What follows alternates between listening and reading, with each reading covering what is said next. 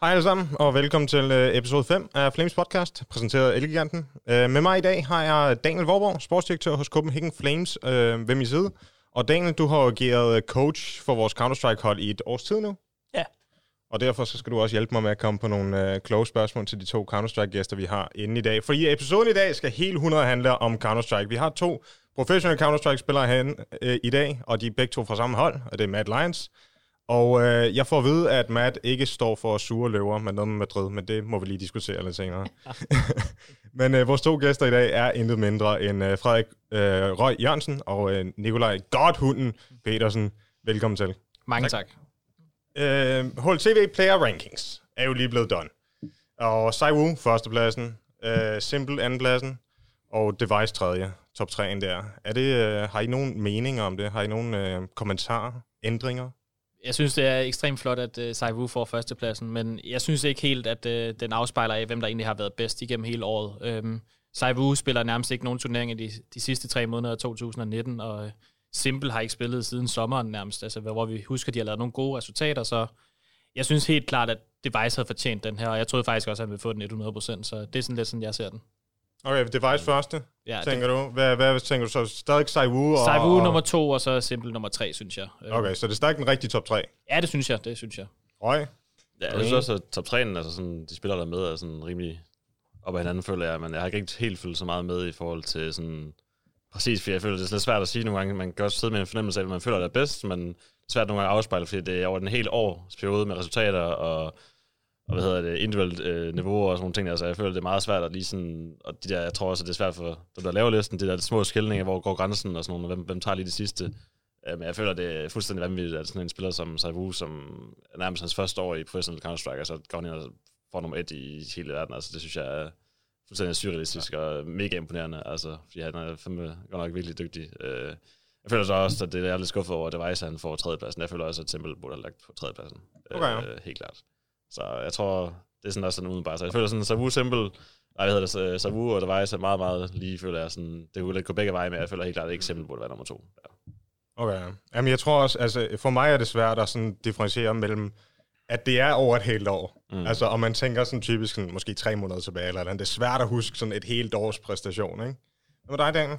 Nogle øh, meninger? Øh, det føler jeg mig ikke kvalificeret nok til. At, når, når, når, når, altså, når nogle spillere, det siger jeg også i tiden, selvom jeg godt nok træner vores Counter-Strike-hold, så siger jeg også i tiden til dem, at det jeg ligesom hjælper med, det ved Røg også, da jeg, har været, da jeg også har været træner for ham. Jeg er ikke så meget Counter-Strike-træner, vil jeg sige.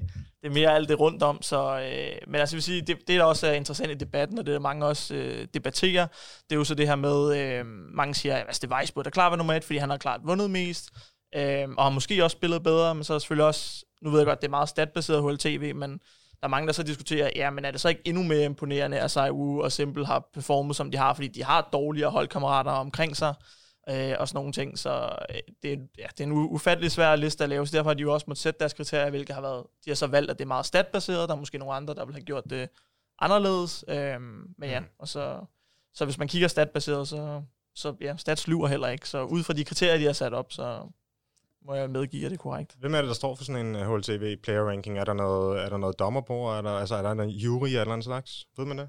Mm, de, de, de har nemlig sagt, at det er statbaseret. Det er udelukkende bare på stats? Udelukkende ja, stats. Ja. Okay. De har ikke sagt, de har ikke offentliggjort præcis, hvordan tingene er vægtet, men det handler om øh, trofæer og MVP's og EVP's, som de kalder det. Mm. Øh, så det er 100% statbaseret.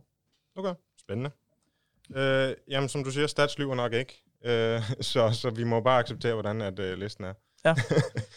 Men uh, Dan, jeg vil egentlig bare smide den over til dig. Du ja. har en masse spændende spørgsmål og emner, du gerne vil snakke om ja. i dag. Og, jeg, kunne selvfølgelig, øh, jeg kunne selvfølgelig godt tænke mig, at vi taler om Matt Lions holdet. Um, og jeg tænkte, at vi kunne starte hele vejen tilbage til, da det startede. Der var røg ikke en del af det. Så, så det er nok mest over til, til mig det her. Det var i Tricked. Du kommer med på Tricked. I laver et uh, nyt hold med dig, Borup, Akor, Lugi og Percy. Kun dig og Akor tilbage. Men da I lavede det her hold, hvad, altså, hvad, var, hvad var sådan... Altså, nu er det jo gået rimelig godt. Jeg, jeg tænker ikke, at I tænker, at I er færdige nu, og det var det alt, hvad vi opnåede, men det er stadig gået ret godt. Men hvad var, hvad var målet egentlig? Hvad var ambitionerne? Du kom lige for Alternate Attacks, og så...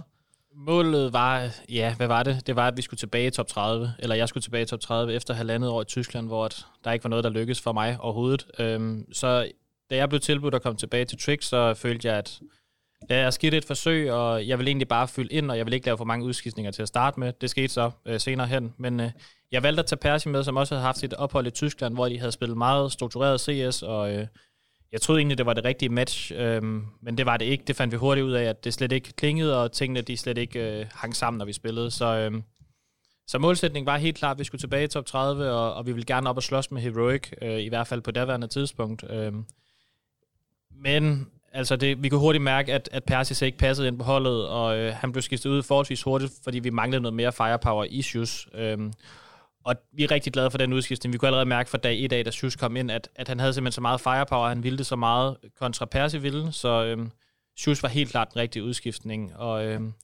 så røg Regenio, vores coach, til Mausports, mm. øhm, og da det skete, så sagde jeg, at så, så var det også tid til at sige farvel til Luki, fordi at Luki virkede meget som som Allans projekt. Øhm, og det vil jeg ikke blive ved med at arbejde med, i og med, at vi også skulle få Bubski tilbage, efter han havde haft en, en dårlig afslutning på 2018, kan man sige. Øh, så vi gav Bubski chancen, og øh, inden for tre uger, så var vi allerede i top 30, og så havde vi egentlig opnået, hvad målet var med hele 2019. Så, så det gik stærkt, og, øh, og det viste også bare, at, at holdet hang sammen på en rigtig god måde, og den måde, vi spillede på, det passede perfekt. Ja, jeg, jeg har nemlig også øh, jeg har set et par gange i interviews, mindes jeg, at du har talt meget om det her med, at I har fem spillere, som tror på hinanden, men også tror på den måde, I arbejder på. Er det, er det muligt for dig sådan at komme lidt mere ind på, øh, altså hvad er det for nogle måske filosofier eller måder at arbejde på, som, som jeg går ud fra, at du har været en stor del af det, fordi ja, som du siger, så ja, I har også haft tre forskellige trænere i løbet af projektet, Regin, øh, Winspire og nu øh, Peacemaker. Øh, Peacemaker. Så jeg går også ud fra, at du også har været en af de drivende kræfter i forhold til at i hvert fald holde kontinuiteten. Hvad, hvad er det for nogle ting, som, som det ligesom kræver at være en del af det her Mad Lions hold?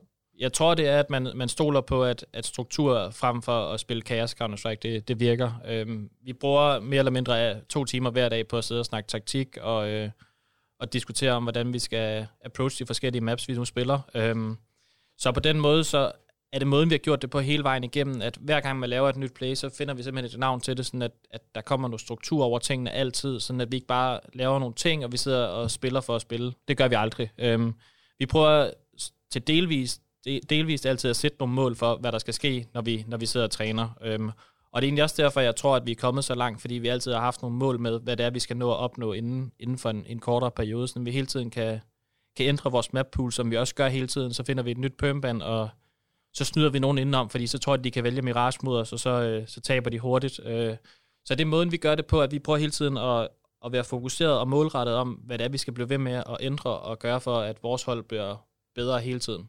Mm. Og øh, Røg, det skulle du så... Du kommer jo ind sådan lidt øh, midt i det hele, i stedet for Borup, der bliver sendt til Heroic.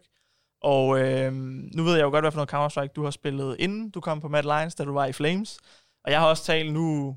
Øh, Flames-holdet har selvfølgelig også ændret sig meget. Jeg taler selvfølgelig meget med, med Farley, der også var på rosteren mm. dengang, og nu. Og han føler måske også, at vi spillede mere øh, Chaos CS dengang. Det ved jeg ikke, om du nødvendigvis er, er enig i. Øh, til en vis grad i nogle situationer tror jeg nok, at det er blevet endt ud i sådan noget, på grund af, at vi var fem spillere, som ikke hvad skal man sige, havde den erfaring til, når du ender i nogle situationer, hvor det kræver, at alle spillere skal tænke selv, så ender det tit i nogle situationer, hvor der ikke bliver snakket så godt, og der er måske ikke lavet lige så gode planer, øh, og så videre. Der bliver ikke sådan rigtig nogen, der tager styringen over runden og kommer med en, med en plan hurtigt, øh, som faktisk fungerer og giver mening, ud fra øh, god CS, øh, hvor jeg føler, at det er det, som gør forskellen for det, som jeg kom ind på nu her, hvor at jeg kan mærke, at en kæmpe forskel, fordi noget af det, som vi manglede på Flames for eksempel, det var, at øh, vi manglede en til at tage styring midround, og komme med nogle, hvad skal man sige, en, der kunne lære os andre nogle ting, i stedet for at vi alle fem sammen ligger på omkring samme niveau og skal lære sammen, så hvad hedder det, synes jeg, vi manglede en, som kunne give fra sig og give noget læring og komme med nogle nye perspektiver og sådan ting. Øh, hvilket jeg også tror var grunden til, at vi lavede den udskiftning tilbage. Lige inden jeg smuttede, hvor vi faktisk skiftede to spillere ud. Øh, var også på grund, på grund af, at jeg følte i hvert fald for mig selv, at jeg manglede en, der kunne lære mig noget. Øh, og derfor var jeg mere glad for, for chancen for at prøve at spille med, med Nikolaj selvfølgelig, og, og med drengene på, på Trick dengang, fordi at det var mega fedt for mig, fordi så kunne jeg virkelig komme ind på et hold, hvor jeg virkelig bare kunne suge til mig, i stedet for at jeg måske skulle sidde og arbejde selv med det hele, øh, og sammen med de andre, øh, hvor jeg i stedet for bare kunne sætte mig ned og så få en masse ting at vide, og, og lære at spille CS på en lidt anden måde, og sådan, hvad skal man sige, være bedre til at reagere og sådan nogle ting. Øh, så det var mega fedt for mig, øh, og jeg tror også helt klart, det er det, som gør den der kæmpe store forskel mellem de der tier 2, tier 3 og tier 1 hold der, det er, at at det er de der midround, hvor folk skal tænke selv, at man har en rigtig god dynamik på holdet og sådan noget. Det er det, jeg føler også, at vi har lige nu her, som kører rigtig godt for os. Altså hver eneste gang vi ender i, 3v3, 4v3, så har vi helt rigtig, så rigtig hurtigt til at tage nogen, der tager styring, og hvad hedder det, laver plays og reagerer og skaber plads. Øh, og det er også en ting, som jeg synes, at Nikolaj er virkelig, virkelig god til, som jeg har, synes vi, som, som jeg har savnet i hvert fald at have på holdet, det der med at have en, en caller, som virkelig er dygtig og klog, sådan midround til at, at komme med en plan hurtigt, øh, og som faktisk giver mening ud for, hvad der sker på banen, sådan som man bare, hvad hedder det, skal selv tænke, som ikke selv skal tænke så meget over, men man faktisk bare kan lytte, og så sådan spille sit spot, og så, hvad skal man sige, spille ud for det, hvilket øh, er det, som jeg tror, der fungerer virkelig godt for os lige nu. Ja. Du, du snakker lidt om det her med, at, at du gerne vil have en, hvor du, eller du vil gerne have i hvert fald nogen minimum en omkring dig, som du kunne ligesom suge til dig fra. Hvordan, hvordan har din, føler du så sådan, den udviklingskurve har lavet, lige da du lavede skiftet til, til dengang Tricked? Altså følte du, det var, altså, der var rigtig meget nyt, du virkelig skulle, øh, skulle lære hurtigt, og hvordan har, hvordan har det ligesom været, og måske hvor langt føler du nu, du så er kommet i den sådan udviklingskurve? Mm, jeg synes, der var rigtig mange ting i starten, men jeg synes, at jeg selv havde en rimelig god tilgang til, hvordan jeg ville hvad skal man sige, jeg var rimelig forberedt på, at der var rigtig mange ting, jeg skulle lære, fordi vi havde ret travlt i forhold til, til turneringen, vi skulle spille, eller kampen, vi skulle spille. Jeg kom nærmest ind, og så skulle vi spille en officiel kamp i en finale med, med det samme, så altså, det var meget lige på hårdt, og jeg havde sådan set, mit mindset var sådan set klar på det, jeg havde lavet en plan om, okay, hvordan skal jeg bære mad i practice, hvad skal jeg skrive det hele ned, hvad fungerer bedst for mig, hvordan skal jeg lære alt det her, fordi typisk, så jeg tror næsten, det er de første gange i min karriere, hvor jeg er kommet ind på et hold med fire spillere, som har spillet sammen i lang tid, hvor jeg så bare skal tilpasse mig deres spillestil. Virkelig, virkelig, sådan, det var sådan en af de største udfordringer for mig, tror jeg, og det var også det, som jeg synes var mega fedt ved at komme ind i et nyt projekt, fordi at det manglede jeg lidt, øh, det der med at komme ind og så bare sådan, hvad skal man sige, tilpasse sig, i stedet for at jeg altid har skulle i min på vej op til Trick, der har jeg tit været en del af holdet i lang tid, og så har jeg været med til at lave udskiftninger, og jeg har været med til sådan at skabe øh, spillestilen og planerne, og været med, meget med i en del af det der. Så jeg synes, det var mega fedt for mig, og en fed oplevelse, det der med at komme ind på et hold med fire spillere, som har spillet lang tid, fordi så, øh, hvad skal man sige, sådan, så, så skulle jeg sådan prøve at, at prøve det, Øh, og, og jeg synes faktisk, det gik rigtig godt til at starte med, selvom mit niveau sådan var virkelig, virkelig dårligt til at starte med. Øh, og jeg tror, der havde mange ting indover selvfølgelig, for jeg havde også nogle problemer med mit håndled, og jeg havde nogle ting, som gjorde, at jeg kunne spille lige så meget, som jeg gjorde før.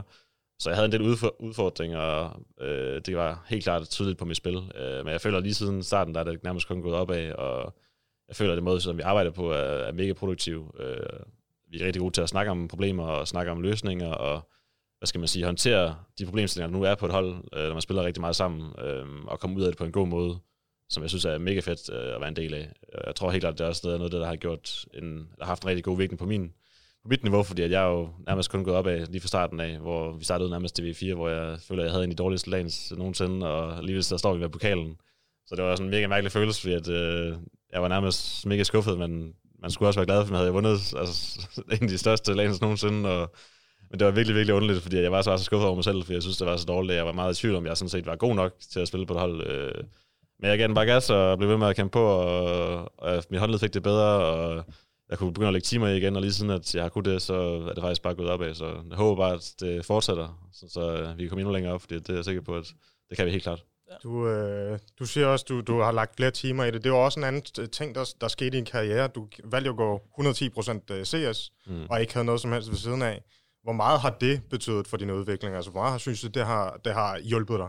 Mm, jeg er ikke helt sikker, fordi jeg føler sådan, uanset, selvom jeg har haft, øh, det var i hvert fald i Flames, hvor jeg, hvor jeg fik, jeg tjente selvfølgelig nogle penge, øh, men det var ikke helt nok til at leve for, for jeg boede ude, og øh, boede, øh, hvad hedder det, hvad skal man sige, jeg havde en masse udgifter, jeg skulle betale, så det var ikke helt nok, så jeg havde noget deltid ved siden af, hvor jeg arbejdede på Odense Casino, Øhm, så det var, men det var begrænset, hvor mange timer det var, fordi timelønnen var faktisk okay god, øh, så jeg føler ikke, at, det var, at jeg ikke kunne lægge timerne i. Jeg tror, det største problem, det var det der med, at øh, når der var kvalifikationer, og der var kampe, der skulle spilles og sådan nogle ting, så det der med planlægning og bytte vagter og alle de der ting der, som er en del af det, jeg tror måske, det var mere som fyldt noget i forhold til, jeg tror ikke, at, at timerne gjorde den helt stor forskel, for jeg har altid lagt på rigtig mange timer, og mm. det kunne også sagtens altså gøre for mig, øh, selvom jeg havde deltidsarbejde. Øh, men det var mere det der med planlægning og, og alting, som, som virkelig gjorde det svært, og man, det fyldte måske meget i hovedet, det med, om jeg kan ikke lige bytte vagten, og ja. især som man spiller på et hold, som er sådan upcoming, hvor man skal spille alle de åbne kvalifikationer, hvor at strukturen er virkelig, virkelig, virkelig dårlig, og man kan nærmest ikke planlægge noget i sit liv, fordi at der er, altså de der kvalifikationer, de kommer ud dagen før, og så skal man spille mm. den, og man spille den, og når man er et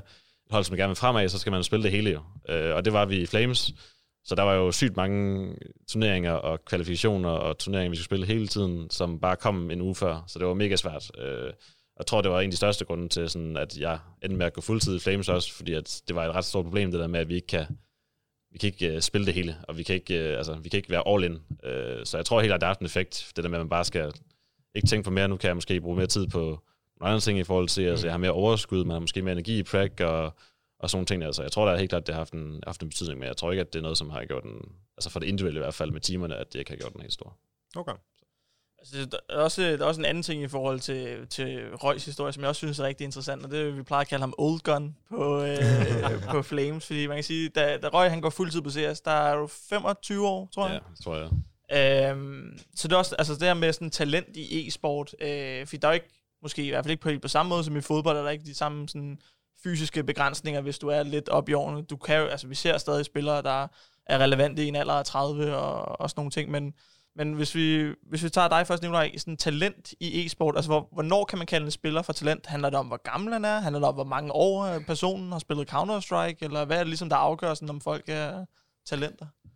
Jeg synes, det, det afgørende er, at de udskiller sig lidt øh, fra mængden, øh, synes jeg. Om de er 26, som i Røgs tilfælde, eller om de er 17, det er, det er faktisk fuldstændig ligegyldigt. Øh, men jeg synes, man hurtigt spotter de spillere, som udskiller sig øh, på mange forskellige måder. Det kan nogen ved, at de, de skyder rigtig mange og har haft gode stats, øhm, men så er der også en som Schuss, som bare altså, udskilte sig ekstremt meget på det der Golden Gitter-hold, øhm, som gjorde, at han var også bare et kæmpe talent, som ikke var blevet afprøvet endnu. Øhm, og der er han jo også 20 år øh, kontra nogle af de andre talenter, jeg har prøvet at spille med i Nico og Yugi og Borup og så videre, så, så var han jo også en af de lidt ældre. Så jeg tror, det kommer an på, hvordan man, man viser sig frem, øh, og øh, selvfølgelig skal jeg ikke sige, at man skal ud og gå efter stats, men man kan hurtigt mærke, hvem der er rigtig dygtig, når man sidder og spiller DPL, og hvem der måske de mangler det næste for at kunne tage det næste skridt, fordi at man kunne nemt mærke, når man spiller mod Røg, at man spiller mod en rigtig stærk individuel spiller, hver gang man, man mødte ham, så vidste man godt, at man skulle enten skyde to skud, eller så var man død. Øhm, så, og det, det samme var det med, med Refresh i, i Fragster, synes jeg. Når man sad og spillede DPL mod ham, altså han udskilte sig så ekstremt meget, og man kunne bare mærke,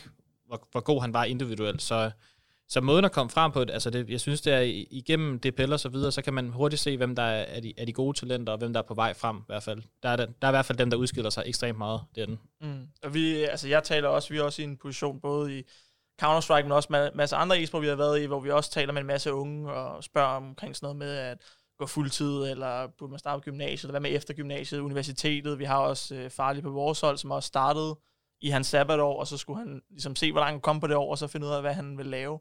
Så er en masse overvejelser, som 25-årig, da du vælger at gå fuldtid, altså hvilke overvejelser ligger i det? Sidder du og tænker, øh, jeg ved, du har også øh, en kæreste og sådan nogle ting. Hvilke overvejelser ligger der i forhold til at være 25 år gammel, og så gå fuldtid til, ja, ja, du tjener jo, hvad i Flames, du gik fuldtid tjene, du vil cirka halvdelen af, hvad en fuldtids netto medarbejder tjener. Ja. Øh, altså, hvilke sådan overvejelser er der i det? Er der, er der sådan en bagtanke om, at du måske er lidt for gammel til at afprøve det her nu? Burde du 25 år, burde man være at have styr på sit liv? Eller sådan, det, de tanker har man måske ikke som 17-årig. Altså, mm. hvad, hvad, hvad, for nogle tanker havde du, da du tog mm, den her mm, beslutning? Det hele startede jo lidt, uh, hvad hedder det, jeg var taget til Malta på en af mine sabbatår, hvor jeg arbejdede som uh, live casino dealer sammen med min kæreste og to af mine venner, som vi var heldige at få jobbet sammen, og vi tog afsted, og uh, inden da, der havde jeg, eller næsten lige tog afsted, der havde jeg spillet lidt øh, uh, CS med nogle gode venner, og det var faktisk Black, jeg havde spillet med, som jeg var rigtig gode venner med. Uh, jeg kan ikke helt rigtig huske, hvordan jeg kom ind i den der gruppe der, men vi spillede lidt, da vi lavede faktisk et hold, og hyggede os med det og sådan noget. Jeg tror, vi var fire på Faceit måske, sådan, altså virkelig ikke særlig gode. Uh, men jeg synes, det var mega fedt, og, sådan, og så... Øhm, og så da jeg kom til Malta, så var jeg sådan lidt, nah, så må jeg lægge øh, computeren på hylden, for jeg kunne ikke rigtig få den med, og det var sådan lidt, det var et nyt eventyr, så jeg tænkte bare, okay, nu prøver jeg det, og hygger mig med det, og så lader jeg computeren, blive, computeren blive derhjemme. Og så de første tre måneder, der var derovre, der blev jeg bare mega hooked på CS. Jeg endte med at sidde med min iPad i stedet for at se det streams og se en masse Counter-Strike-kampe, jeg blev bare mega sådan hooked, og jeg synes bare, det var mega fedt, og jeg, nærmest sad der og fik en lidt en drøm om, og altså, det kunne bare være mega fedt at prøve, og så følte jeg sådan om vinteren dernede, hvor der ikke er så meget at lave, øh, at jeg havde masser af tid, og så tænkte jeg, det kunne være mega fedt, hvis jeg kunne få en computer hernede og sådan lidt. Og så havde jeg snakket med en af mine kollegaer, og han havde, han havde snakket lidt om, at der var en anden kollega tidligere på året, som havde haft en computer, fået sådan derned, og sådan tænkte, det var det, det kan man godt det, og sådan Ja, det sagde han, det var ret nemt, og sådan. Og så i samme pause, der gik ud til min far og ringte og sagde, kan du ikke uh, sætte min computer ned, så jeg kan begynde at spille, og så tænkte jeg, så kan jeg jo sidde dernede og, og grind igennem, hvilket jeg så også gjorde. Uh, jeg spillede jo nærmest, jeg havde nærmest 120-130 timer, øh, hvad skal man sige, på to uger, selvom jeg havde et fuldtidsarbejde hvilket så ændrede sig så til, til at jeg ændrede til, til øh, deltid til sidst.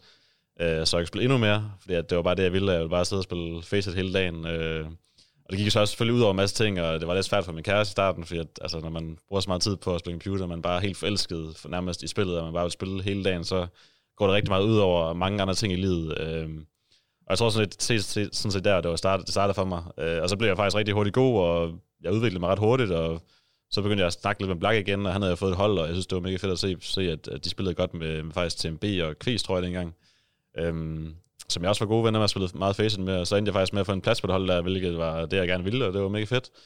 Øhm, og så endte jeg så med at rejse hjem igen, og så spillede jeg så for sammen med Black der i Marienlys, tror jeg, det hed en gang. Øhm, hvor vi faktisk, altså det var mega hyggeligt og sådan noget, men vi var ikke særlig gode jo, altså vi, vi lå jo ikke på et, et, sådan et vildt godt niveau, men for mig så følte jeg faktisk, at det var ret fedt at være en del af det der med at teamwork og snakke CS og, og spille som et hold og sådan noget, og, og practice og møde op og sådan noget. Det var nærmest den første oplevelse, jeg fik af det, så det var mega fedt. Øhm, og så tog det jo nærmest bare fart derfra, øh, hvor jeg bare altså, havde bare en drøm om, at det var mega fedt at spille, og så spillede jeg bare uden at tænke så meget over det. Jeg tror ikke, jeg tror ikke, jeg som 23 og 24 år havde de tanker, som man måske burde have i forhold til fremtiden. Jeg var lidt mere sådan, jeg er lidt en type, som tager ting lidt som det kommer, og jeg er meget sådan ude i sidste, hvad skal man sige, hvad skal man sige, øh, sådan, er meget, øh, sådan laver tingene i sidste øjeblik, og jeg tænker ikke så meget over tingene i forhold til sådan fremtid, altså, hvilket jeg måske burde, og jeg tænkte, ah, ja, det skal nok gå, og så jeg tror det bare lidt som det kommer, og lige pludselig så blev jeg bare bedre og bedre, og det, hvad skal man sige, det blev mere og mere realistisk, og så gav den bare gas hele vejen igennem, og, og spillede så meget jeg overhovedet kunne, og, og så lige pludselig så sidder jeg her, øh, og hvor min drøm nærmest er gået opfyldelse, så øh, for mig var det mega fedt, men når jeg sådan tænker tilbage på sådan en lang rejse, fordi det har jo taget lang tid, øh, tre år, måske ikke så lang tid som så mange andre, men tre år er stadig lang tid, især hvis du er i en alder af 23, hvor man sidder og skal tænke over, nogle, eller hvor man har nogle andre ting at tænke over livet, som en, for eksempel den 16-årige har. Øhm, så synes jeg i hvert fald, at det var, hvad skal man sige, det var mega fedt at så endelig at komme til det punkt, hvor man er nu. Øh, men hvis jeg tænker tilbage på det, så tror jeg, at i forhold til sådan, når jeg har fået, når man har været igennem det hele, så tror jeg, at ens, hvad skal man sige, ens blik på, hvordan det egentlig, hvad det egentlig kræver for at komme igennem nulleret, og for at komme igennem øh, og spille fuldtid, og hvad skal man sige, hele den danske scene, den her måde, spillerne kommer frem på, og skal vise frem, og skal skille sig ud, og sådan noget, og den konkurrence, der er sådan indbyttes, så tror jeg, at hvis jeg vidste det inden, så havde jeg aldrig gjort det. Jeg føler sådan, at altså, chancen for det, den er så lille, øh, hvad skal man sige, at man skal virkelig sådan skille sig ud på en anden, anden måde, og det er virkelig, virkelig en lang grind, og en, det er en hård rejse, fordi man skal lægge rigtig, rigtig, rigtig mange timer ind, og man skal ofre rigtig, rigtig meget øh, af andre ting i sit liv. Så, så det er ikke øh, noget, du vil anbefale til en anden level 4, der er 22 år. Level 4 på Facebook, 22 år. Øh, det er lidt svært at altså, komme på, hvor meget man, altså, hvad skal man sige, hvor meget man elsker at spille. Altså, hvis, hvad skal man sige, hvis, man, hvis det bare går fremad, og det, og det går rimelig godt, og man elsker det, og man synes, det er fedt, Altså, så, så skal selvfølgelig give det en chance, men igen, så skal man jo også, man skal også nødt til at være realistisk, realistisk, så hvis du føler, at okay, det her, det kan jeg ikke, eller det her, det er for hårdt, det, jeg kan ikke lægge timer i, det, der, det, det kræver, så, så skal man måske tænke på at lave noget andet. Øh, men jeg havde aldrig nogensinde den tvivl om, at jeg synes ikke, at det er fedt, jeg synes ikke, at det er nice at spille, jeg kan ikke lide at spille 100 timer på to uger, jeg kan ikke lide at lægge, øh, jeg kan ikke lide at ofre alle mine ting for det. Øh, sådan havde jeg det aldrig nogensinde, øh, hvilket jeg tror, at det også bare gjorde, at jeg bare ikke, altså jeg, jeg, jeg gav, bare, gav den bare en skalle, og jeg synes, det var mega fedt. Øhm, så jeg tror lidt det der med, at jeg har aldrig sådan tænkt, at ah, burde jeg måske gøre det, eller burde det bare, jeg har bare, jeg gør det sgu altså. Jeg synes, det er mega fedt, jeg kan ikke lade være, altså det er det, jeg gerne vil. Øhm, så jeg tror, det har givet mig en kæmpe fordel, øhm, ja, forhold til mange altså, andre. Dog vil jeg også til, også til, til din ro, så kan jeg huske, at øh, jeg kan også huske, at vi to havde nogle samtaler, da du var på Flames, hvor du også sagde, at altså, det, det kan godt være, at du ikke altid, nu siger du om, at du aldrig har haft de her tanker med, at du kunne lide det, men jeg kan også huske, at du talte om, at det ikke altid, du havde lyst til at spille de sidste øh, teams DM eller et eller andet, men det var også noget, du bare vidste, der skulle til for at komme mm. til. Så altså, der er jo ikke, der har ikke altid kun heller været en dans på rosa hele vejen. Det har også været mm. meget øh, hårdt arbejde og, og determination, hvad man skal sige. Men du snakker meget om, sådan, at nu er du kommet her til, jeg er sikker på, at I stadig har, øh, har endnu højere øh, forventninger. Men hvis vi taler lidt om, hvordan I ligesom kom her til, Nikolaj, så blev det jo rapporteret, jeg tror, det, altså, det, er jo, det er jo okay lang tid tilbage, tror jeg, første gang man så en rapport på HLTV eller DOS2 eller et eller andet om, at øh, holdet inden Røg også var på, lidt efter en ny organisation. Kan du, hvor, hvor meget kan du fortælle os om den her rejse, og hvad der ligesom foregik, øh, inden I blev en del af Mad Lions? Mm, altså, det, det blev rapporteret, at vi lige pludselig var på vej væk fra Tricked. Øhm, det var allerede i juli måned eller sådan noget, at vi var på mm. vej væk. Øh, og der havde vi faktisk ikke engang talt om det. Jeg ved ikke lige, hvor det kom fra. Så det kom, okay. lidt som en, det kom faktisk lidt som en overraskelse første gang, det kom ud. Øhm, men da vi begyndte at ramme top 20 øh, i verden, jeg tror, det er første gang omkring juli måned, efter vi havde været finalen ved ja, GG League i Polen, tror jeg. Mm. Øhm, der begynder vi at tale om, at det kunne være mega fedt, hvis vi, hvis vi kunne finde noget andet, som kunne tilbyde os en bedre baggrund, kan man sige. Øhm, som hvor at Heroic ikke bare kunne gå ud og stjæle vores spillere, og North, at de bare kunne komme og sige, nu skal vi have ham der, og så blev vi nødt til at sælge. Øhm, Og der var vi egentlig alle sammen enige om, at vi kunne rigtig godt tænke os at finde noget nyt. Øhm, men der, der, går meget, der går lang tid fra at kunne tænke sig til, at man faktisk skal gå ud og finde noget nyt. Øh, en gang i top 20, det er altså ikke nok til at gå ud og finde noget, nogen, der vil lægge øh, en, en kæmpe lønning til dig og skulle købe ud af din kontrakt og så videre. Så vi kommer tilbage efter sommerferien med røgbeholdet lige pludselig. Øh, Bor blev solgt i, i mellemtiden. Øh, vores første dag på, øh, på kontoret, hvis man kan sige det sådan, det er faktisk en officiel kamp om 18.000 dollars. Det er fuldstændig vanvittigt. Og, og Røg, han kan nærmest ikke snakke, han er mega nervøs, og, og vi er sådan, okay, vi har ikke spillet CS i tre uger. Nå, lad os spille den her kamp her. Og det, altså, første bane går fuldstændig galt, og vi tænker, åh oh, nej, det, det, det går ikke det her. øhm, men så, altså, så vinder vi den der kamp der, og Røg, det første han siger, det er, det er jo det største, jeg nogensinde har vundet det her. Det er fandme en god dag på kontoret. Det er det fedeste, jeg nogensinde har prøvet. Øhm, og øh, me- mega fed oplevelse. Og, og så, hvad hedder det, øhm, så efter vi vinder V4, der sætter vi os alle sammen ned og, og kigger hinanden i øjnene, og så siger vi, lad os se, om vi ikke kan finde en ny organisation. Øhm, lad os give det tre måneder, hvor vi ikke siger ja til nogen tilbud. Flere spillere får tilbud fra andre danske hold og så videre, men alle de står sgu fast, og så siger, vi skal ikke videre nu. Øhm, mega fed oplevelse for alle på holdet, fordi at alle mand kunne have været væk, øh, og så skulle man have startet forfra, og så havde Matt Lyons nok også trukket sig, fordi så skulle man lave udskiftninger. Så øh, vi kiggede hinanden i øjnene og sagde, vi giver det her tre måneder, og hvis, hvis vi ikke har fundet noget der, så er det fair nok, at folk siger ja til to-tre gange så høje lønninger, som de kan få i Tricked. Øh, det bliver man bare nødt til at acceptere, og det er sådan fødekæden af i dansk CS, at hvis der er nogle spillere, som kan, kan fjerne spillere fra Heroic eller North, så gør de gerne det. Øh, så det er egentlig sådan, rejsen starter, og jeg tror, efter vi har haft første møde med Matt Lyons, så blev det rapporteret, at vi er på vej i Matt Lyons, og der var vi bare overhovedet ikke på vej til Splice eller Matt Lyons eller noget som helst. Vi havde haft første møde, hvor at, at der blev sat nogle fuldstændig hjernedøde krav til os, hvad der skulle ske nede i, i Matt Lyons, og øh, så det, det gik lidt frem og tilbage, og, og samtalerne og møderne med Matt Lyons tog også to-tre måneder før, ja, at alt var på plads, og... Øh, så fik man nogle gange ikke lige et svar, så er vi stadigvæk med, er der, så er der andre organisationer, der skriver, hvad vi gerne vil, og så videre, og, og, men det var, det, var, det, var, det var svært for mig, fordi at det var meget mig, der stod med alle tingene. Øhm, samtidig med, at jeg skulle være in-game leader, samtidig med, at vi ikke havde nogen coach længere, samtidig med, at vi skulle spille så mange turneringer og rejse, og hvad vi nu er gang i. Og så glemmer man jo også lidt, at, at Røg faktisk lige er kommet ind på holdet der. Han har været der i, i to-tre uger, da vi, da vi vinder V4. Og i, i de tre, tre uger op til V4, der er vi også bare officielle kampe hver dag. Så Røg, han kommer bliver bare smidt ind. Du spiller bare som Borup.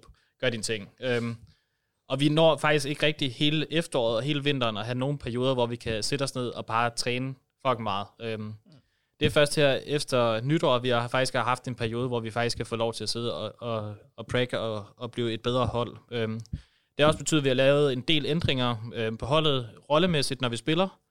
Og det har vi i hvert fald godt kunne se efter, efter nytår, at, at Røg er fuldstændig begyndt at shine og, og sidder og griner på de andre på holdet, fordi at han har dobbelt så gode stats som alle andre lige pludselig. um, så vi, Louis og jeg, vi har i hvert fald brugt vores tid på at, at få Røg til at være fuldstændig up-to-date på, på vores hold også, sådan at han faktisk er en del af holdet, så han ikke bare spiller Borups rolle, som han faktisk nærmest gjorde hele efteråret og vinteren. Mm. Så det har været en lang rejse til Matt Lions, og, og de diskussioner og møder, whatever der har været med dem, det har, det har taget ekstremt lang tid. Så. Ja, og, og som du siger, altså, det, det er jo noget, der, der må fylde rigtig meget, altså en masse forhandlinger og flere år ind over og sådan nogle ting, men alligevel har I så formået at, at, at levere de resultater, som, som I nu engang har.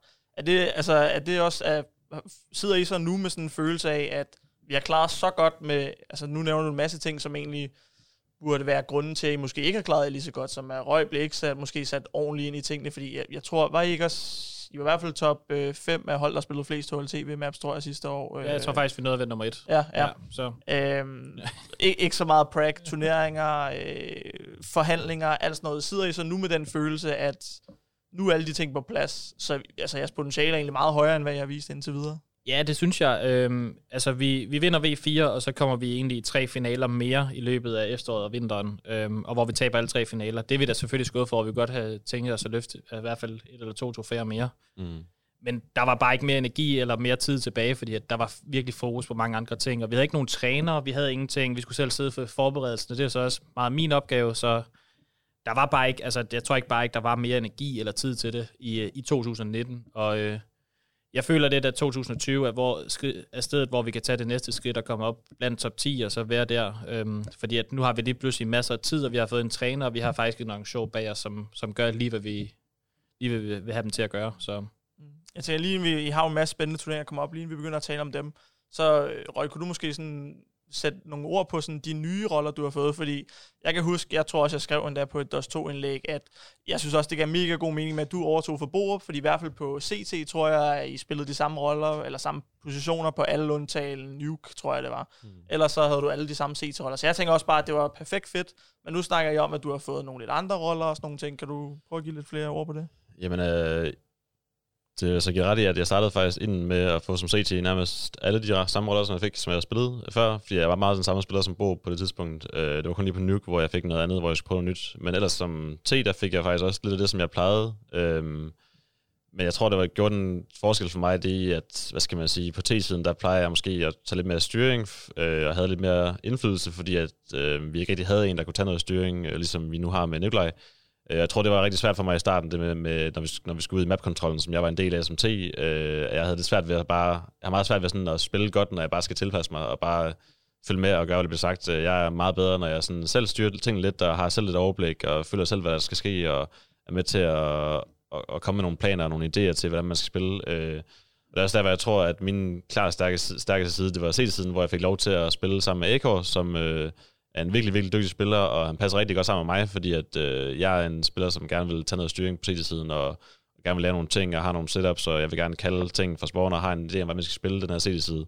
Øh, hvor AK er rigtig god til bare at lytte og høre efter og gøre, hvad jeg siger, og han er mega god til at, at, at træde fra, når han skal, og træde ind, når han skal, og, og nærmest bare være der for mig, øh, og vi har et mega godt samarbejde sammen. Øh, så sådan set hele perioden igennem har jeg faktisk været rigtig god på T-siden, hvor min weak point helt klart var på T-siden. Så det der så er sket efter vi har efter ferien, det er så, at øh, øh, hvor Peacemaker, vores coach, og Nikolaj har snakket sammen og, og prøvet at finde en løsning til, hvordan vi kunne løse det problem.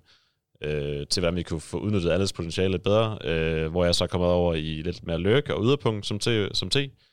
Øh, og i starten var jeg, synes det var mega fedt at prøve noget nyt, fordi jeg synes heller ikke, det var mega fedt i mapkontrollen, det gik ikke så godt. Øh, selvom det var hvad skal man sige, noget nyt for mig på at, at skulle spille som lidt en lykke og være lidt mere yderpunkt, så var det jo lidt en udfordring for mig. Jeg synes faktisk, at det var fedt, fordi det gav mig lidt et nyt, hvad skal man sige, over, eller hvad skal man sige, sådan indblik i, hvordan det egentlig var. Fordi jeg tit har jeg bare været sådan, jeg er ikke særlig god til at lykke, jeg er bare god til mapkontrol, så hver gang jeg bliver taget en løk-position, så er jeg bare sådan, det kan jeg slet ikke finde ud af, og så er man lidt opgivende, men hvis du sådan får til opgave, okay, nu skal du arbejde på det her, og det bliver din største rolle på de fleste med baner, så du er nødt til at prøve at arbejde på det og blive god til det.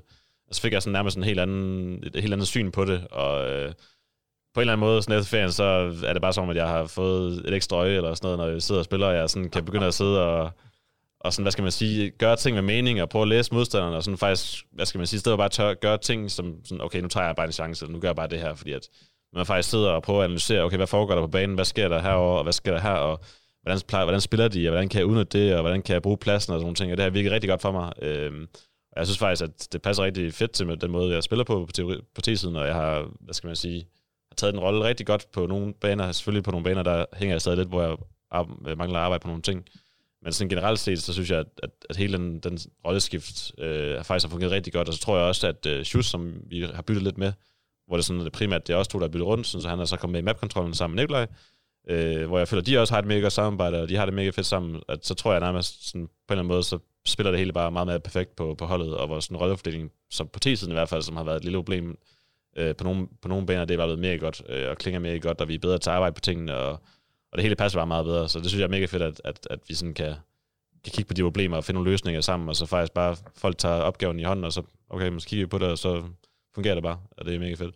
Det, det lyder som om, at det, det er sådan et ret stort rolleskift, der, der er sket alligevel nu. Ja. Hvordan, hvordan kommer man frem til sådan en... Altså, er det, er det fordi, man, man tænker, det, det, det går bare ikke så godt lige nu resultatmæssigt på det her map, så vi bliver nødt til at lave noget helt om? Altså, hvem, hvor, er det coachen, der sidder og analyserer så meget og finder ud af, at de her spillere kan nok spille sammen på det her site sammen, og Altså, hvordan kommer man frem til sådan en? For det er en stor beslutning. Det er en kæmpe beslutning, og det var også lidt risky at lige pludselig skulle, at skulle fjerne røg, for jeg har aldrig nogensinde prøvet at spille på en, på en yderposition før som terrorist. Øhm, men vi sad og analyserede, øh, Louis og jeg, vi sad og så vores kampe igennem, hvad, hvad der egentlig fungerer, vores, når vi laver taktikker, executes, whatever vi nu laver en gang imellem så gik tingene rigtig, rigtig godt. Men når vi skulle til at spille øh, default, og, og vi skulle til at tage noget map-kontrol sammen, så spillede tingene bare ikke. Øhm, både omkring Rasmus' positioner, omkring Røg positioner og mine positioner, så spillede tingene bare ikke. Øhm, så vi, vi havde et langt møde, jeg tror det var 2. januar, hvor at vi diskuterede det hele igennem, hvad vi synes der skulle ændres, hvad, hvad, vi, hvad Louis og jeg havde talt om, øhm,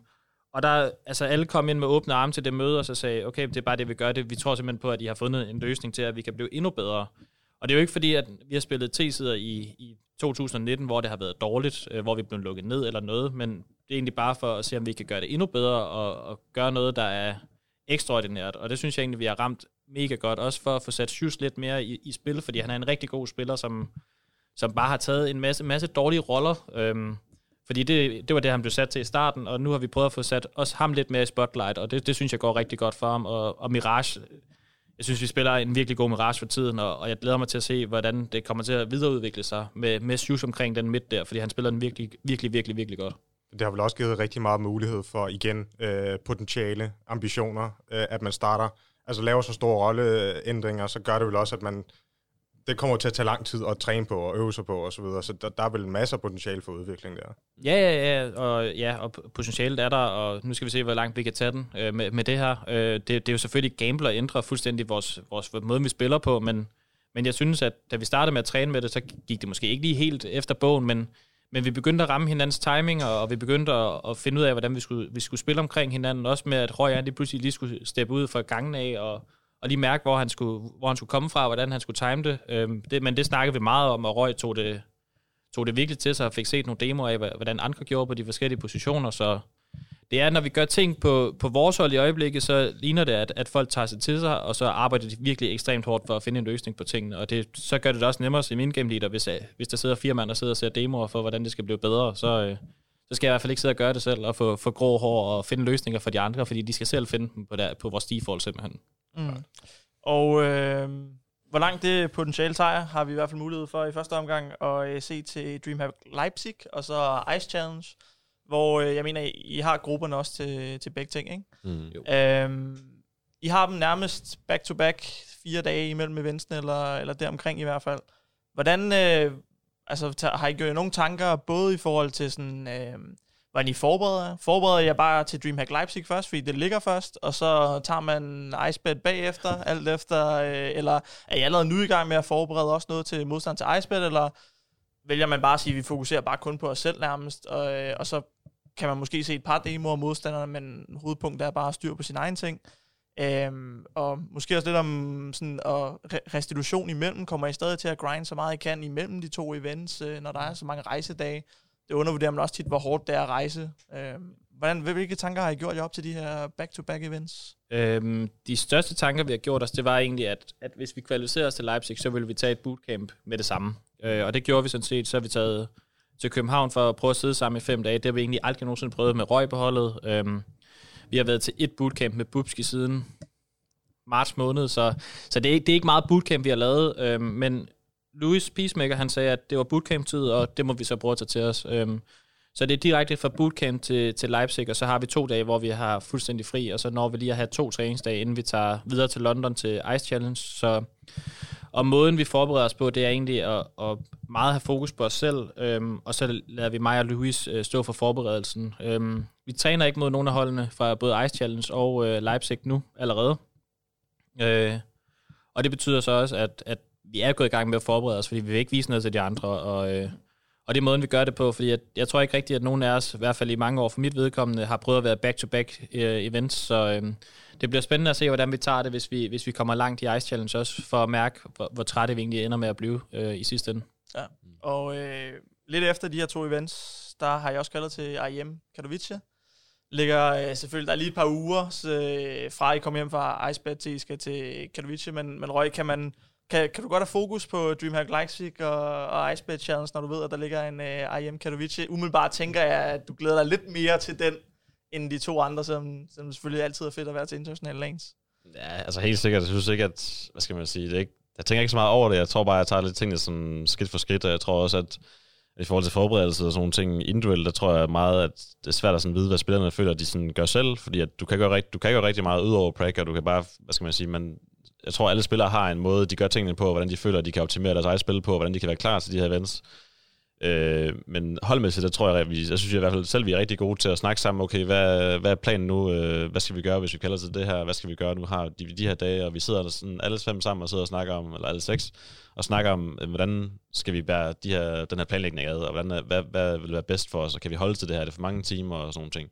Jeg tror faktisk bare, at vi er rigtig gode til at lytte til hinanden, og, og, og hvad skal man sige, for at nå og ramme den grænse, hvor vi lige kan, øh, hvad skal man sige, peak i forhold til at, hvad skal man sige, blive så gode som overhovedet muligt, sådan, så vi er klar til de her events her. Øh, jeg tror, det virker som i hvert fald, at, sådan, at vi tager tingene lidt som det kommer, og vi tager events lidt, øh, hvad skal man sige, en efter en, ligesom Nikolaj også siger, at vi har jo ikke lige så meget erfaring med at spille så mange events op ad hinanden, så, så det er også lidt en læringsproces for os, bare det der med at, hvad skal man sige, skulle rejse så meget, og, og skulle optimere sin tid i forhold til træning og, og sådan nogle ting. Så øh, altså jeg, jeg tror bare, at vi kommer til at, at gøre det skide godt til, til de her to events i hvert fald, som vi har fokus på nu, og så efter det, så kan vi jo så kigge på IM Katowice og se, okay, hvad skal vi arbejde på, og hvor lang tid har vi, og hvordan kommer vores træning til at se ud og sådan nogle ting. Så jeg tror helt klart, at vi kommer til at vise et skide godt niveau her til, til Leipzig i hvert fald, også til, til London, selvom London bliver måske lidt sværere i forhold til, til niveau med de andre hold. Men jeg synes, at den her pause, som vi har haft, hvor vi ikke rigtig har så mange officielle kampe, og vi virkelig bare kan fokusere på, på struktur og, og træne og ændre nogle af de ting, som vi også har gjort nu her. Vi har rigtig faktisk har tid til at lave sådan en, en ændring i vores spil, som du ikke rigtig har tid til, hvis du har rigtig mange officielle kampe, så er det meget svært at lige få det ind og sådan, okay, er det, er det virkelig en chance, vi gider at tage med at skifte de her roller rundt på de her maps, når vi ikke rigtig kan træne det, hvor vi faktisk virkelig har haft muligheden for, at vi har hvad skal man sige, mange dage, hvor vi har intensiv træning, hvor vi faktisk har muligheden for at se, okay, fungerer det her, og virker det for os, og, og sådan nogle ting. Så jeg tror helt klart, at vi, har, vi kommer til at vise et rigtig, rigtig højt niveau, især også efter, at vi har fået styr på alle de ting med Mad Lions organisationen, og vi har fået mere struktur, og vi har fået meget mere, hvad skal man sige, bare sådan en holdstruktur med det hele, også med, at vi har fået Peacemaker ind, og vi har fået en coach, som rent faktisk er skide dygtig og gør et, et mega, mega stort stykke arbejde i forhold til at gøre det nemmere for Nikolaj, og gøre det bedre for os alle sammen at være i den her læringsproces, hvor vi skal tage det næste skridt. Så jeg tror helt, helt klart, at, at vi nok skal, skal vise et mega fedt niveau her til, til de lanes, der kommer der, op nu. Der er vel lidt mere ro i hverdagen nu, når det hele er kommet på plads. Ja, ja helt sikkert. Det har godt nok været en, en hård omgang. Altså det december måned og november måned med tre ja. events også øh, oven hinanden. Det var, det var en hård omgang, og skulle skrive under på kontrakt og, og så videre. Det var, at det var ekstremt hårdt. Så nu er der endelig kommet ro på hverdagen, og så kommer der så lige tre turneringer nærmest i træk igen. Men jeg føler lidt, at vi har, vi har styr på det i og med, at, at vi har også har været et hold i så lang tid, som vi har nu, og, og røg passet nærmest perfekt inden for dag i dag. Så vi har jo nærmest været et hold siden, siden marts måned, da Boobski kom på, så, så det er jo mega fedt at opleve det på den måde også. Og øh, noget, der også bliver rigtig spændende til de her turneringer, det er selvfølgelig også øh, kampen om at være nummer to i Danmark. Yeah. Øh, I hvert fald hvis man følger øh, HLTV, så øh, skiftes det jo lidt, hvem det er, der er nummer to mellem jer selvfølgelig, og North og Heroic. Øh, I har også fået lov til at være i samme gruppe, alle sammen, til øh, DreamHack Leipzig, så det bliver også, selvfølgelig også super spændende. Der er kun to, der kan gå videre. Øh, hvordan, hvordan ser I ligesom øh, striden som nummer to lige nu? Vi måske, hvis vi bare starter med at tale om konkurrenterne. North har lige fået MSL med. Hvordan øh, ser I deres styrkeforhold lige nu?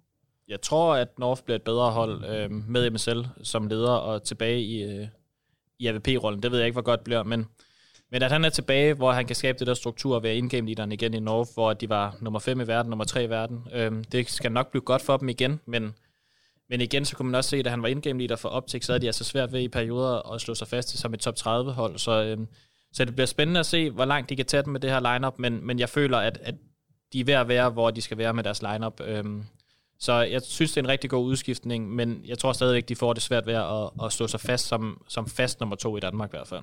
Og Røg, hvis du så skal kommentere lidt på Heroic, da de lavede deres udskiftninger, Kadian, Snappy kom ind, Blame F øh, røg til USA. De startede umiddelbart rigtig godt ud, og øh, har måske været lidt svingende derefter. Øh, Katowice-kvanten slog i dem selvfølgelig, og så røg de ud i lower bracket til Ago. Hvordan, øh, hvordan vurderer du Heroic styrke, PT? Vi har jo faktisk spillet en del mod Heroic. Øh, vi mødte dem faktisk også i en BO3 tidligere, før, som vi spillede her sidst, hvor vi faktisk vandt, hvor de endte med at, at slå os øh, ret stort faktisk. Og jeg følte faktisk, at da vi mødte dem, at de spillede de virkelig, virkelig gode CS, og de var helt klart dem, der fortjente at vinde den kamp. Øh, hvor vi så møder dem igen lidt senere, og hvor vi øh, nærmest bare smadrede dem, og hvor jeg helt klart føler, at vi spillede meget, meget bedre øh, CS. Så jeg føler, at de er sådan lidt op og ned. Jeg, jeg kan ikke helt finde ud af, hvad det er, der gør det, men øh, jeg synes faktisk, når man kigger på holdet, at det virker som et mega fedt hold, og et, et rigtig stærkt hold på mange punkter. Øh, jeg tror, en af de største faktorer, det er helt klart, at de har en spiller som Stavn, som har øh, spillet mega godt i den periode, hvor de klarer sig rigtig godt, hvor han er faldet lidt fra nu her. Så jeg ved ikke helt, om det er det, der, der gør, at, at de ikke lige øh, kan holde den stabilitet, som de nu har holdt i, i en lille periode. Men jeg tror helt klart, at, at den her kamp om, om nummer to Danmark, før at den bliver sådan, vi får en fast nummer to, der kommer til at gå i stykke tid, for jeg føler, at vi er tre hold, vi er så tæt nu, at man kan nærmest, altså det, det handler bare om dagen, og det, altså det er meget små marginaler, som gør, at den ene kommer over den anden, og, og sådan ting, så, så, så altså, lidt spændende bliver det jo selvfølgelig nu, hvor vi er alle tre i samme gruppe, at, så vi får selvfølgelig lidt mere, øh, hvad skal man sige, lidt, lidt flere chancer for at vise, okay, hvem er det egentlig, som ligger nummer to lige nu, og hvem, har, hvem kan virkelig sætte sig som den nummer to, men jeg tror, det går lang tid før, at vi ender i en position, som vi havde for måske et år siden, hvor det var altid fast Astralis nummer et og Norge nummer to, og så var der ret, et, et ret øh, langt stykke vej fra til nummer tre. Øh, det tror jeg, der kommer rigtig, rigtig lang tid til, før vi, vi ser det ske. Øh, jeg tror, at vi kommer til at kæmpe os tre sammen i, i et stykke tid nu, og se, og det kommer til at hoppe lidt frem og tilbage omkring, hvem der kommer til at ligge, ligge øverst, men øh, det bliver mega fedt at se til Leipzig. Øh, mega fedt, at vi har sådan en gruppe på en, på en måde, men så er det selvfølgelig også lidt anderledes, eller hvad skal man sige, det er godt at skidt på nogle forskellige punkter, men jeg tror, det bliver mega fedt for, for, for folk udefra at se, hvem der egentlig kan tage øh, sejren i, i den her gruppe, når vi får de her indbyrdes danske kampe. Jeg tror, det bliver mega fedt, især når vi kommer til at spille på lagen. Hvad, hvad med, altså, når, når vi er til det kamp, jeg går ud fra, at I altid har, altså det er altid nemt at sætte sig op til store internationale lanes og kampene og sådan noget, men, men, men er, der, er der lidt mere i dem, hvis det så er North eller, eller Heroic, I møder? Ja, helt sikkert, og det er også helt klart derfor, vi har, har taget så et intensivt bootcamp, som vi har gjort. Uh, vi vil gerne have marginalerne på vores side. Um, og vi viste jo ekstremt meget i den her Katowice-kval, hvor at vi slår North i den åbne 16-8, 16-4. De laver en udskiftning, de føler sig presset. Det kan jeg godt forstå, fordi de var heller ikke specielt gode. Men, men altså, lad os tage det på den måde, at den her gruppe den bliver mega fed, og vi starter ud med Heroic, som har rigtig, mange, rigtig meget firepower, men, men det, det ligner også, at, at sådan en som Louis har rimelig godt styr på, hvad det er, Snappy gerne vil call, så, så jeg føler egentlig, at vi har et, et ekstra kort i lommen i, i vores coach, fordi at han laver så meget forberedelse, og, og alle de nye ting, vi har lavet her til bootcamp, det kommer til at, at gå, gå vores vej, tror jeg, den her gruppe her. Øhm, og det glæder mig til at, at vise dem, når, når kampene starter på fredag på Zulu. Ja. Jamen, det bliver i hvert fald super, super spændende, og nu har vi sådan tre, som I siger, tre hold, der kæmper om den her anden plads i Danmark, og det er også, fordi de er meget sådan tre organisationer, der er også meget samme størrelse, får meget de samme invites, lægger meget tæt hold CV-ranking nu, det er virkelig, virkelig tæt det hele. Mm. Det bliver super spændende at følge med i. Vi skal i hvert fald have mange tak for at være med her i dag øh, i podcasten. Jeg bliver nødt til at cutte den af nu. I skal også ind og prakke videre. Og øh, er der noget ellers, I, I vil sige her til sidst? Ja, generelt så tak for den kæmpe støtte, vi får, får på DOS 2 og alle de andre steder på sociale medier. Det er, det er vildt at se, at der er, at al støtten går vores vej, og, og, og det sætter vi meget pris på. Vi læser alle kommentarerne og prøver at svare så godt vi kan en gang imellem. Så, så mega kado til, til det danske community, som, som støtter så meget, de nu kan, og det, det bruger vi rigtig meget til vores fordele, og bruger det ekstremt meget i vores kamp, med hvor meget selvtillid vi har, når vi møder op til turneringerne. Så mega fedt. Især efter vi kommer ind i sådan en lidt mere spansk organisation, så synes jeg det er mega fedt, at danskerne i stedet holder fast og, og virkelig støtter os og viser virkelig stor opbakning. Det synes jeg er mega fedt, ja. Perfekt. Jamen, øh, Nikolaj, Frederik, Dan, mange tak for at være med i dag. Det har været super sjovt, super spændende. Jeg har ikke sagt lige så meget, fordi jeg har bare lyttet på nogle kloge hoveder her. uh, men uh, alle dem, der lytter med, mange tak, fordi I lytter med, og uh, vi ses næste gang. Yes.